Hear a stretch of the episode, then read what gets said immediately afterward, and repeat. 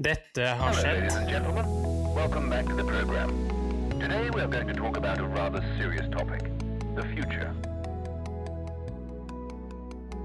Generation X versus Z.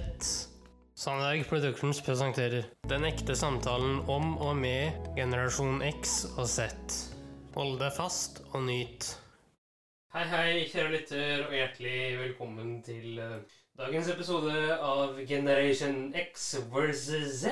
Eh, Og eh, temaet i dag, det har eh, jeg ansvar for. Og det er iallfall jeg glad for. det er Det kan det være, for det er Super Mario. Den internasjonale Mario-dagen var jo nå 10. mars, hvor Mario-franchisen hyller seg selv. Ja. Vi skal høre nå, tenkte jeg, eh, et intervju med mange av stemmene bak eh, karakterene. Men kan du fortelle litt om Mario? Ja, altså Det er jo et veldig enkelt konsept. Du skal eh, komme deg gjennom en eh, bane som har eh, noen blokker og litt bakke, noen mynter, litt eh, ting som gir deg litt spesielle evner og sånne ting. Eh, så er eh, målet ditt til slutt da, å redde noen. Ja. Så, Det er nettspill vi snakker om. nei, det er uh, konsollspill, rett og slett. Konsollspill, ja. Bare så jeg har den uh, Har tunga rett i munnen her. Ja, eh, men det er bra, det. Nei, vi skal jo høre litt fra stemmen til disse, noen av disse karakterene. Og så er det en lur svenske her òg, etter jeg har forstått. Ja, Uh, han skal vi høre fra litt sånn av og på. Ok. Hmm. Ok. Og han, uh, han jobber med det enda, selv om han er eldgammel. ok. Ja, det er passion her, antageligvis. Ja, Uh, det er vel en god gammeldags ildsjel Ja. i årets jeg. Så hva tenker du vi gjør nå? Det er opp til deg. Det er du som har regien i dag, Henrik. Da skal vi høre litt fra han som har stemmene, eller mange av dem, og hvordan det skjedde. Eh, Jeg tror du kommer til å dra på når du hører det. Hi, I'm Charles Martinet. I do the voice of Super Mario. Here we go! Woohoo! And Luigi too. Luigi number one. Ha ha! And Wario, have a rotten day. Yahoo! You gonna eat that garlic? and I was even Donkey Kong at one point. I am an actor and voice actor. I did, uh, gosh, 25 years of theater and Run along to your party! corporate videos, circuitry and semiconductor processes. a few film and television products. Now beat it, all of you. Now! And then I had the marvelous beginning of becoming a voice actor, and that's how I started with uh, It's a me, Mario. Mario was first created in 1981 in a game called Donkey Kong. As uh, it got refined through the years, uh, it became Mario and, and Princess Peach. Ah, the princess. And uh, I came along in 1990. I actually crashed an audition because I was catching them as I walked in, they were walking out, finished for the day. I said, Can I read for this? And the guy looked at his watch and he goes, Ah, all right, come on in. You're an Italian plumber from Brooklyn, a character in a video game for Nintendo called Mario. So make up a voice, make up a video game, start talking. And I thought to myself, video game? I don't know anything about video games. And all of a sudden I hear action. I go, hello, I'm a Mario. Let's make a pizza pie together. You go get some sausage. I'm gonna get some spaghetti. We put spaghetti in the sausage and the pizza. And he said, you know, cut, stop talking. There's no more tape. All right, thanks. We'll be in touch. And I thought that was, you know, okay, there's the door. We'll see you later. And I, he calls Nintendo. I found a Mario. I got him. And that was amazing, fantastic years ago. Hello. Hello. Whoopee! Oh, look at this world. The character for me brings out the best in me, and so I, I, I love that. I love sharing things too. I go to meet uh, Mario fans, and uh, I hear the most wonderful thing. You know, the, you're the voice of my childhood. Or I, you know, I used to play with my dad. Now I'm playing with my kids. You know, and we just—it's a way our family comes together. Yeah, yeah, yeah, yeah, yeah. Ah, pretty good. Ah, this brings back the memories. Mamma mia. You just have fun, you know? That's my mantra for life. Come on, let's go. Let's have more fun. Bye bye. See you in my games. Woohoo! Ja, Ja. det der var altså min eh, og flere andres barndomsstemme eh, som prata der. Eh, hva syns du? Nei, altså, han, han virka jo Han Han sa vel sjøl at han ønsker, og hans mantra er som å gjøre folk eh, glade. Ja, og ha det gøy, da. Ja, der. Ja, rett og slett. Og så tenkte jeg Var det sånn Altså starta allerede i 1981? Eller hørte jeg feil her, Henrik? Nei, det hørte du ikke feil. Herregud. Og i dag, i 2021, og så 40 år senere, så sitter vi her. Det er helt utrolig. Men vet du hvem som introduserte meg for eh, Mario? Det var meg, det vel. Eller det var kanskje før min tid. Vet ikke. Det var faktisk en eh, liten kar som eh, den gang het eh, Henrik. Som sitter ved siden av meg nå. Oi, oi, oi. Ja, det er jo barndomsminner, da. For Ja. min del, i hvert fall. Så nei, jeg har også jeg har gått til ansamling av diverse lydeffekter. Ja. Som jeg skal spille av nå på løpende bånd. Yes. For du som sitter her, og deg, kjære lytter. For noen er nostalgiske, da.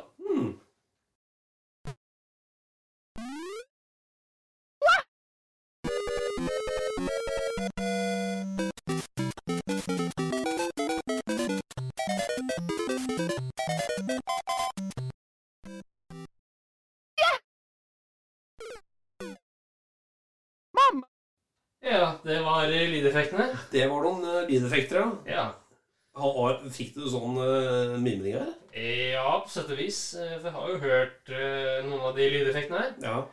Men jeg tenkte nå at vi skal høre litt om opprinnelsen bak navnet og denne karakteristiske barten. ja.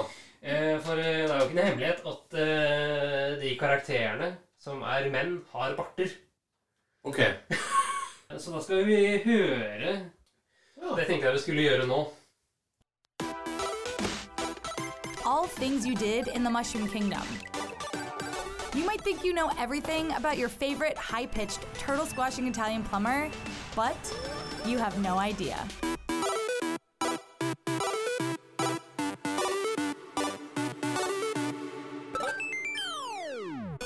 Let's start from the beginning.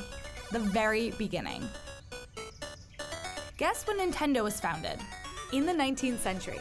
1889 to be exact. They started out as a playing cards manufacturer and, as years passed, expanded their line of products, going from toys to instant rice and even taxi services. Fast forward to the 1970s.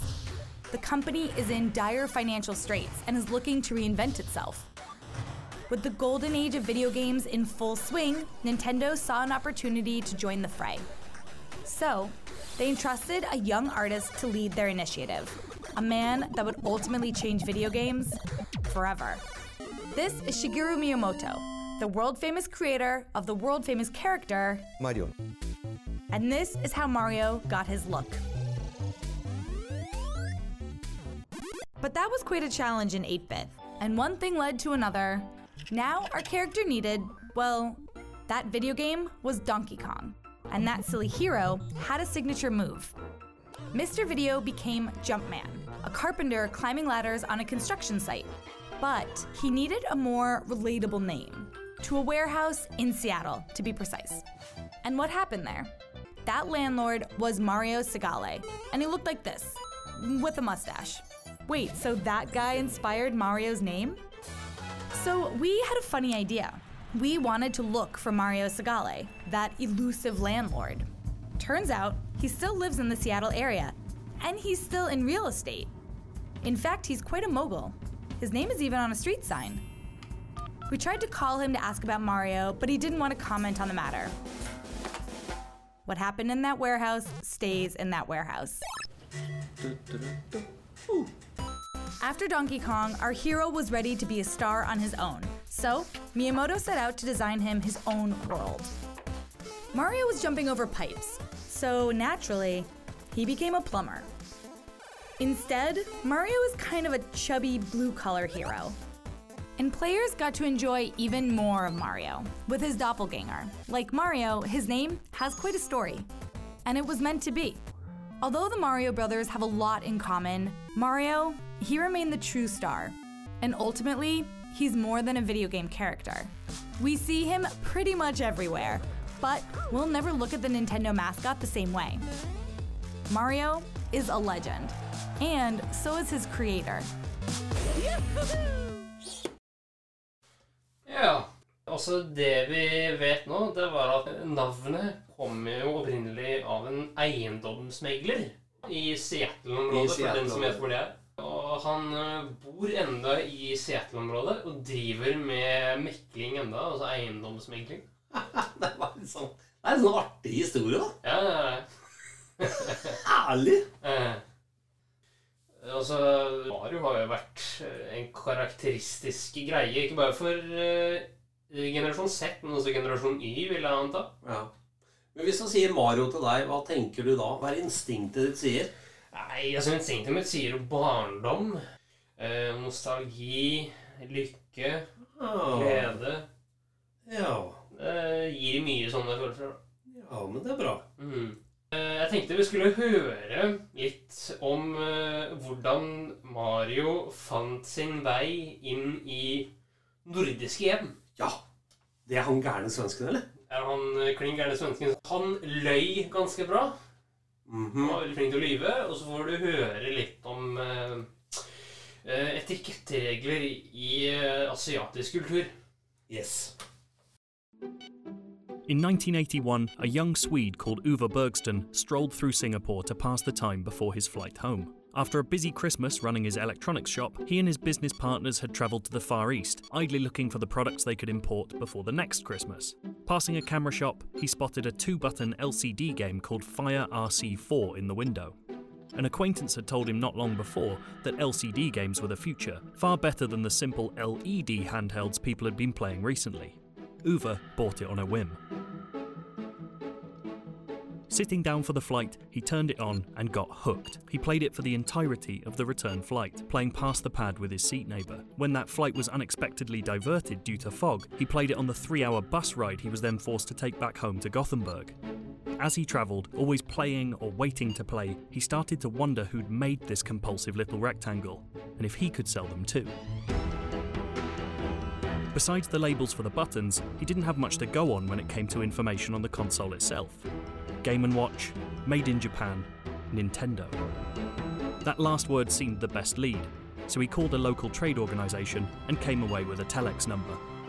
Soon after, somewhere in its tiny Tokyo export office, a Nintendo employee pulled a short and extremely abbreviated message out of a printer. It read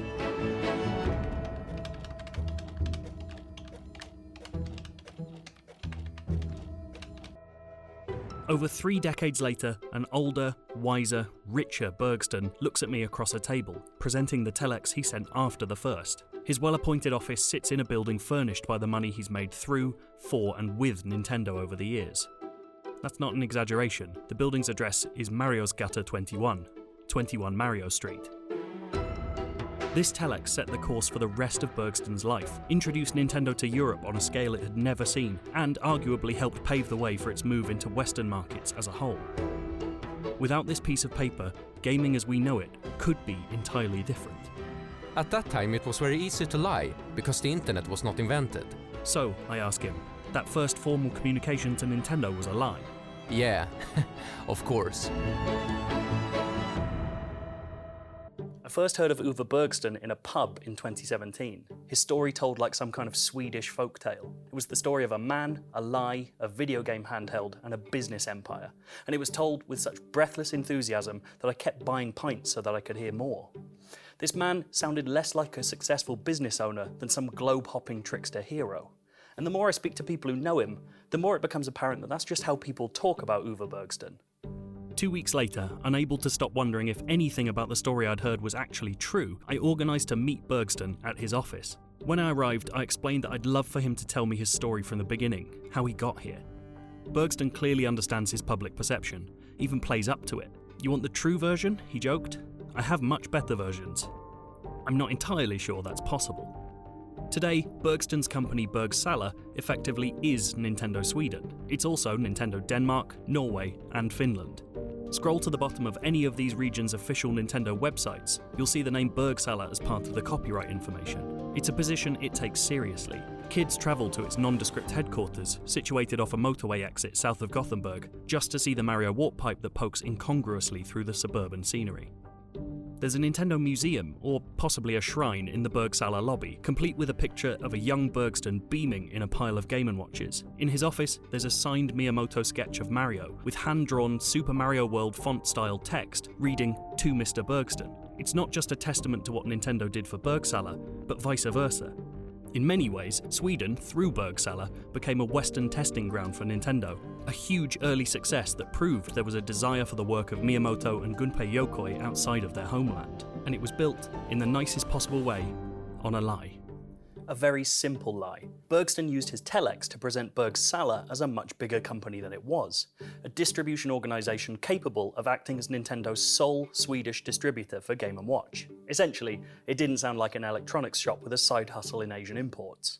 It would have been unthinkable for Bergsten to guess where that little fabrication would take him, but he very nearly didn't cross the first few hurdles on that journey at all. What followed feels more like a stage farce than a business success story. After selling a sample run of 250 Game & Watch units, Bergsten organised to visit both Nintendo's Tokyo export office and its HQ in Kyoto. Because he wasn't yet a wealthy man, he booked what he calls the very, very cheapest tickets. He'd have a grand total of two days to visit two unfamiliar cities. He couldn't change his flight dates, and if anything went wrong, he'd be speaking English, a second language to him, to people who might not even speak it at all. And then, across the world, a McDonnell Douglas DC 10's engine just stopped working during takeoff. Guess what model of plane Bergsten was booked to fly on the next day?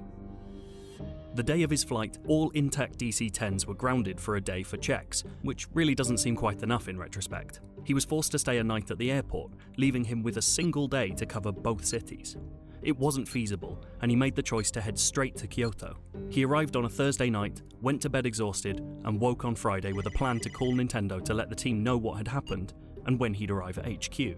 I first called the Tokyo office and there was some answering machine saying something which I didn't understand. Then I called the Kyoto office and there was another answering machine I didn't understand. So I called my hotel reception and asked, Can you call this number please and tell me what they are saying? The receptionist called back a minute later. They're saying that today is a national holiday in Japan, so everything is closed. He'd gone from two days to meet Nintendo to one day to none at all. His flight home was that weekend. Unless he tried something else, he would have flown to Japan for nothing and missed his chance to meet anyone from Nintendo. He summoned up a tried and tested strategy. He told a little lie and managed to persuade Japan Airlines to extend his trip. He told them that this was an emergency, that it wasn't his fault, that he had to stay longer, things like that. And it worked, again, and he had the Monday to, in his words, force his way into Kyoto. After nearly missing his train that would actually get him there, I told you this was a farce, he finally made it with no real plan of what to do, other than just turn up and ask for someone to talk to him. Uwe Bergsten tells me he has four rules for conducting conversations with Japanese businessmen, learned from a friend before his trip to meet Nintendo, and still helpful today. They're as follows. Number one, always bring a gift. It should not be a wooden thing or anything, it should be crystal glass. This is the only thing you should buy. Number two, don't nag. In the Western culture, we can blah blah blah too many things. In Japanese culture, you should not ask for too much. The important things you should concentrate on to achieve them. Number three, try to get them to invite you to lunch, or even better, dinner. Number 4. You'll never meet the right person, because they have a wall of protection. You'll meet someone on the periphery. You need to work to meet who you need to. All of these would come into play as he negotiated his first major deal with Nintendo. In what's fast becoming clear is a typical Bergsten move, his first action was to just tell Nintendo's export manager that he was in town unannounced and asked to come to the office. Then came the negotiation, and rule number two don't nag, a rule which he didn't immediately remember. First, he asked for the distribution rights for Sweden, then, he asked for Scandinavia, then, he asked for all of Europe. Remember, this is a man who owns an electronics shop business, he's just pretending to own a distribution network. And then he remembered rule two I suddenly realized that this was not the way to do it, so I asked for Sweden and we talked. We just talked. They talked about a lot more than distribution rights. Bergsten explained Swedish history, Swedish culture. He laid out his country as much like a tourism guide as it was an advert for his business, and he did it with an ulterior motive. I wanted the time to pass, and suddenly lunchtime came. Rule number three. He said, Shall we go for lunch? Yes, of course, I said. That would be fantastic. Even better, lunch got abandoned in favour of a three hour dinner. Well, dinner and drinks. He drank a lot. I mean, we both drank a lot, so he was not 100% sober when he let me off at the hotel. It laid the perfect groundwork for the pièce de résistance. Rule number one. I said, I have a small gift for you. I would like to thank you very much for taking such good care of me. He handed the export manager a package, which he opened immediately a small crystal ashtray. Then, when we got out of the car, he said to me, Okay, you can have Sweden. The white ish lies, the bullish approach to business, the rules, and perhaps most of all the alcohol led to a decision that altered the gaming business. But then a kicker. His new friend told him that the minimum order was 10,000 units. Bergsala had found it hard to sell 250 Game & Watches in the months previous. That's not even taking into account the money involved. 10,000 units was the equivalent of something like 100,000 euro in orders. That was a lot of money at that time for a small electronics dealer. Bergsten went home, had what he calls some very, very tough negotiations with the bank, and ordered 10,000 new Game Watches. And then, because he's Uwe Bergsten, he upped the order to 30,000. He never really tells me why. Christmas 1981, less than a year after his trip to Singapore, was when Bergsten's approach finally paid dividends. But rather than a holiday boom, it was just the start. Those 30,000 units sold out quickly. In the first three months of 1982, Bergsten says the company sold 180,000 units. A month. Bergsten and Nintendo each knew they were onto a winner. In June of 82, Bergsten returned to Japan, and Nintendo showed him its new dual screen Game & Watches, which included a simplified version of Donkey Kong, the Miyamoto made coin op that had exploded in arcades around the world at around the same time as Bergsten's early successes. It was clear how well this was going to do from the outset. We bought as many as we could. We went around in Sweden showing this to big toy dealers. It was the best sales trip I ever been on, because everybody wanted it.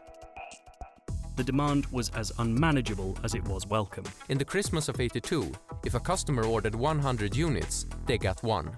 By early 1983, Bergsala had sold 1.7 million Game & Watches in Sweden. To get a measure of that success, bear in mind quite how small Sweden is. In 1983, it was a country of around 8.3 million people. Bergsten breaks this down further. We were aiming for around 7 to 12, something like that, and only boys, almost only boys. If you take that target group, you could say that probably every kid had five games. By comparison, Bergsten says that Germany, 61 million people in 1983, sold as much in a year as Sweden did in a month. It's not easy to check the validity of those figures. Nintendo doesn't release them publicly, but it's very clear that Sweden massively overperformed. But then, in Sweden in 1983, Game & Watch just stopped selling. You might expect at this point for the story to go from boom to bust, but it didn't work out like that.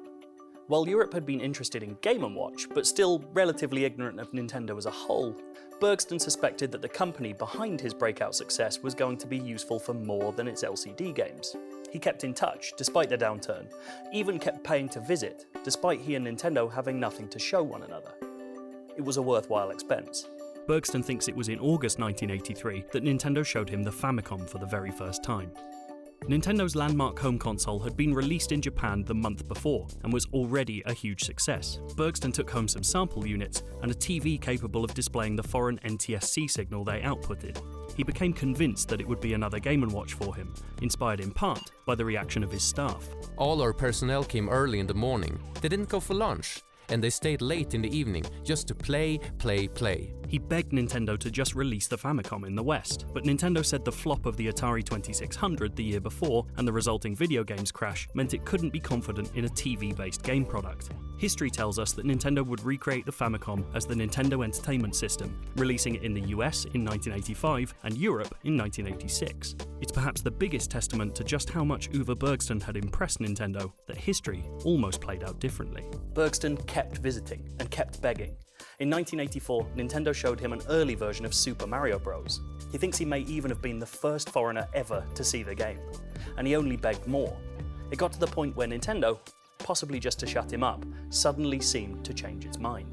Nintendo told Bergsten that because Sweden was the only European country interested in it, it would simply release a version of the original Famicom there and nowhere else. This wasn't idle talk. His company put in an order between 5,000 and 10,000 units. Later that year, as the US got the NES, Nintendo changed its mind. It wanted to create a European NES, tailored for the entire market. In retrospect, Bergsten says it was the correct decision, but it feels like only he could have forced Nintendo to make an incorrect one through sheer force of charm. NES, somewhat inevitably at this point, became a huge success for Bergsala, and more or less cemented the company as a permanent partner for Nintendo. Bergsten became a part of the furniture. He was the first person outside of Nintendo to play the Game Boy, he played golf with the company's board members, and has always stayed in touch with that export manager he'd gotten drunk with all those years ago.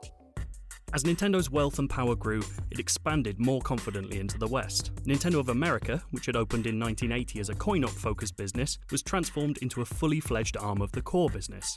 Not long after, it adopted one of Bergsala's most unique business moves. We started the Nintendo Club, and they copied that. When NES launched, Bergsala had created a members club, a way to connect the kids looking forward to its titles, inform them about upcoming releases, and, inevitably, put pressure on stores to buy in stock of games as those kids came in to ask when those same games would be available. It was an incredible success, an almost hilariously devious, corporate sponsored grassroots movement. At one point, around 5% of the entire Swedish population was a part of Bergsala's Nintendo Club. It's no surprise that after Bergsten had a golf meeting with Nintendo of America founder Minoru Arakawa, Nintendo Fun Club suddenly appeared, followed by the epochal Nintendo Power. Bergsten is too humble to say that his company and its successes were an inspiration for Nintendo to expand into the West so suddenly and meaningfully, but his club is proof that Nintendo was very much paying attention. Elsewhere, Bergsala's influence is much easier to spot. Nintendo of Europe was founded in 1990 and began creating country specific businesses across the continent, except in Scandinavia.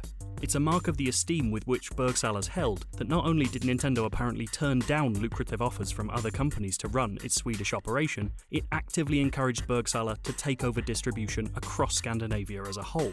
In the early days, Nintendo worked almost exclusively with third party distributors for its Western releases. Today, Bergsala is the only non Nintendo owned Nintendo distributor in the world. In the context of that global operation, Bergsala doesn't really have to deal directly with Nintendo Japan anymore.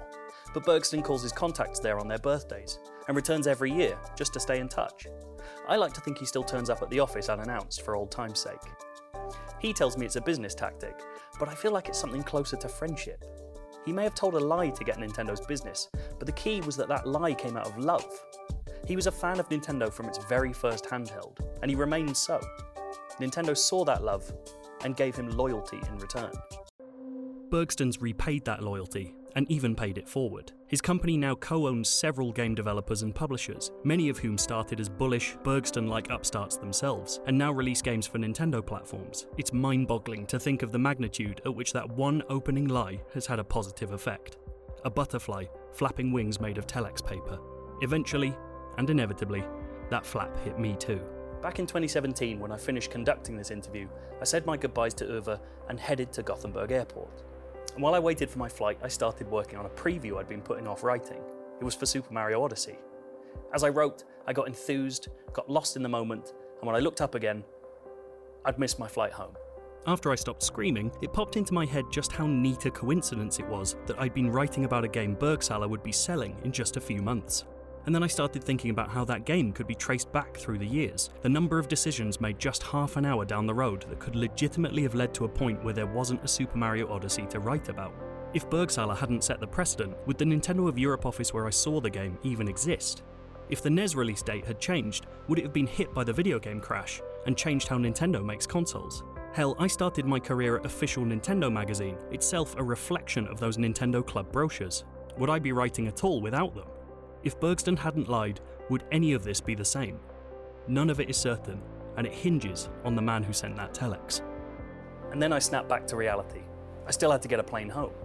I decided to nab a technique from the man I'd just spent an afternoon talking to. I queued for the airline check in desk, and when I got to the front, I told them I had to get home today. It was an emergency, that they should change my ticket for free. If he could do it back in 1981 and build a mutually beneficial business empire on the back of it, I could manage it for a budget flight to Luton Airport. Of course it didn't work. I'm no Uwe Bergsten. Ja. Litt av en historie, altså. Å ja. Ja, hva sitter du igjen med? Nei, jeg sitter igjen med en som virkelig eh, hadde passion eh, og ga seg ikke på tørre møkka, som vi sier i Fredrikstad. eh, og han eh, kjørte på Han må jo egentlig ha en eh, drive en, eh, og en vinnerskalle. Ja, jeg sa jo eh, i stad at han eh, var jo Han er jo en ildsjel, da. Ja. I ordets rette forstand. og- Absolutt. En utrolig positiv personlighet. Ja, veldig. eh, På grensen til naiv, vil jeg si også. Ja. Kanskje grensen til noe annet òg, men det er jo imponerende det han har fått til. Ja visst. Og det er basert på én løgn. Det er jo helt sjukt. Men eh, nå skal vi høre NRK. Ja vel.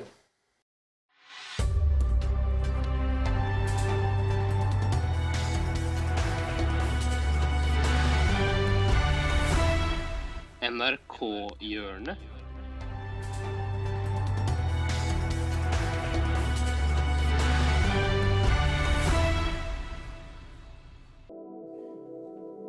Eh, I NRK-hjørnet i dag så skal vi innom en eh, ganske god parodi på en eh, kjent person.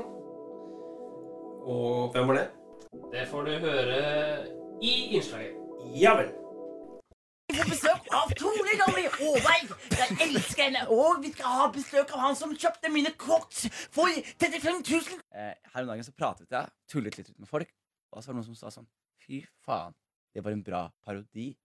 Så da tenkte jeg wow, kanskje, kanskje jeg har en god parodi. Er dette en parodi vi har sett før? Nei. Det er en helt ny en? Hell yeah. Når dukka den opp? Altså Det- spontant, eller? Jeg gikk hos logoped da jeg var kid. Mm. Du har invitert imitert logopeden din? Nei, men jeg pleide å ha en talefeil. Han snakker litt sånn som meg, bare at han snakker litt dypere. Det er jævlig god parodi hvis du hadde kjent han. Ja, men, nei, men jeg pleide, jeg, sliter jeg pleide å slite med å si S.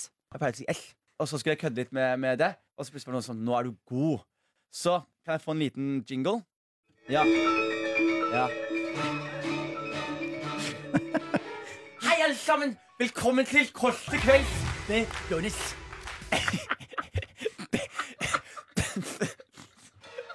Dette her er, er, er min uh, Else Kåss-parodi. Og velkommen til Kåss til kvelds. Jeg heter Else Kåss og jeg er her med Markus Ulv Neby. Det er jo, det er jo en, en god parodi med tanke på at hun eh, lesber, og det gjorde du også. Men det er på en måte Men, men, syns ikke altså, altså, prater som Else Kåss nå? Syns ikke? Altså, hør! Vi har det så hyggelig. Vi- litt lysere Velkommen til Kåss kvelds med meg, Else Kåss Furuseth. Jeg er. Else Kåss Furuseth. Ser ut som vi du holder på å oss besvime. Og i dag skal vi avslutte med litt mitt, fordi det er Kåss til kvelds. Eller som jeg sier, Kåss.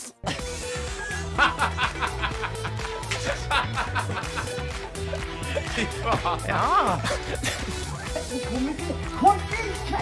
Markus, hvor er du? Markus, er du her?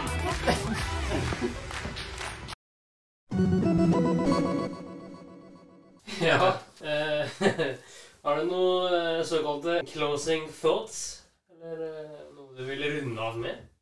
Du, vet du hva? Jeg syns tiden har gått veldig fort, jeg. Ja, jeg har jo vært veldig aktiv i dag. Ja. Eh, så Føler du at du har formidla det du ønsket å formidle, liksom? eh, ja.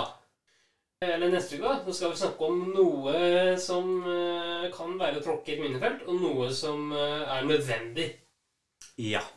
Så vent i spenning til neste uke, kjære lytter. Og vi kan nå oss på hva da? Ja, Det må du ta.